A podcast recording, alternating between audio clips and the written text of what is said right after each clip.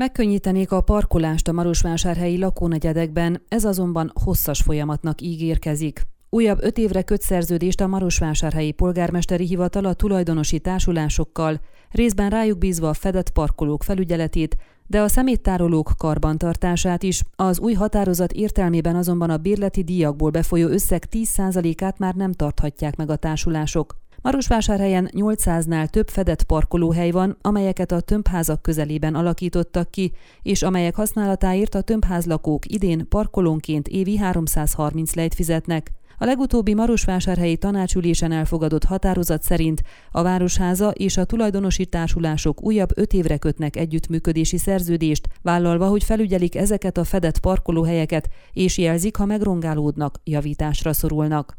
A közterület rendezési igazgatóság vezetője Florian Moldován a Székelyhonnak elmondta, hogy előző évekhez képest az új határozat annyiban különbözik, hogy még eddig a lakótársulásoknál maradt a fedett parkolók bérének 10%-a, ezután nem így lesz. Az igazgató azt mondta, hogy azért veszik el a teljes bírt, mert az elmúlt években bebizonyosodott, hogy a társulások nagy többsége semmire nem használja fel ezt az összeget. Az elfogadott határozat értelmében a tulajdonosi társulások továbbra is a polgármesteri hivatal szakigazgatóságának kell jelezzék, ha a fedett parkolók megrongálódnak, vagy ha a szeméttárolók szorulnak javításra. Szintén ők kell felügyeljék azt, hogy a fedett parkolókat rendeltetésszerűen használják a bérlők, hogy ne kerítsék be és ne tárolóként használják azokat. A társulások kötelesek lesznek a zöldövezeteket is karbantartani, ám a fák metszése, kivágása és ültetése a virágkertészet feladata marad. Korábban többször napi renden volt egy olyan határozat tervezet is, amely értelmében a tömbházak között közterületen levő parkolóhelyeket is átadják a tulajdonosi társulásoknak,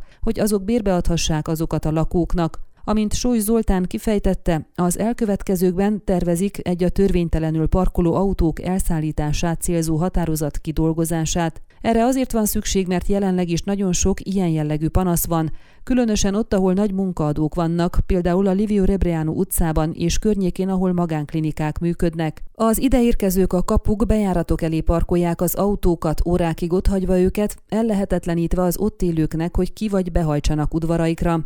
A törvénytelenül parkoló autók elszállítására lehetőséget ad a törvény, helyi szinten is újra kell szabályozni. Erre a szolgáltatásra akkor is szükség lesz majd, amikor a tömbházak körüli parkolóhelyeket bérbe fogjuk adni, hiszen a bérlő szintén hívhatja a helyi rendőrséget, kérve, hogy az ő parkolóhelyét elfoglaló autót szállítsák el, magyarázta a városvezető. A tervek szerint idén ősztől kezdik el a tömbházak között közterületen levő parkolóhelyek megszámozását, kijelölését, és a tulajdonosi társulásokkal sorra kötnek majd szerződést, lehetővé téve ezek bérbeadását. A városvezető úgy értékelte, hogy ez az egész folyamat jövő év második feléig zárul. Megjegyezte, 8-10 évet is igénybe vehet, amíg minden lakónegyedben elégséges számú parkolóhelyet tud kialakítani a városvezetés.